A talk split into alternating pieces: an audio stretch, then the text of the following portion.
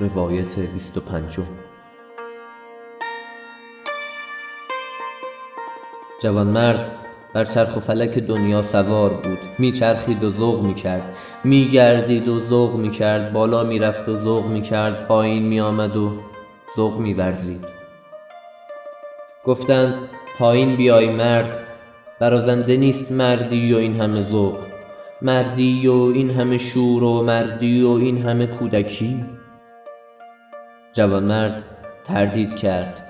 می‌خواست پایین بیاید که خدا دستش را گرفت و گفت همینجا بمان.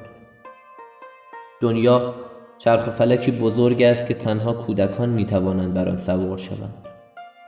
دیگران از این چرخ و فلک می هراسند و تنها در گوشهای به تماشا نشستند و بدان کسی که پیش ما مرد است پیش مردم کودک است.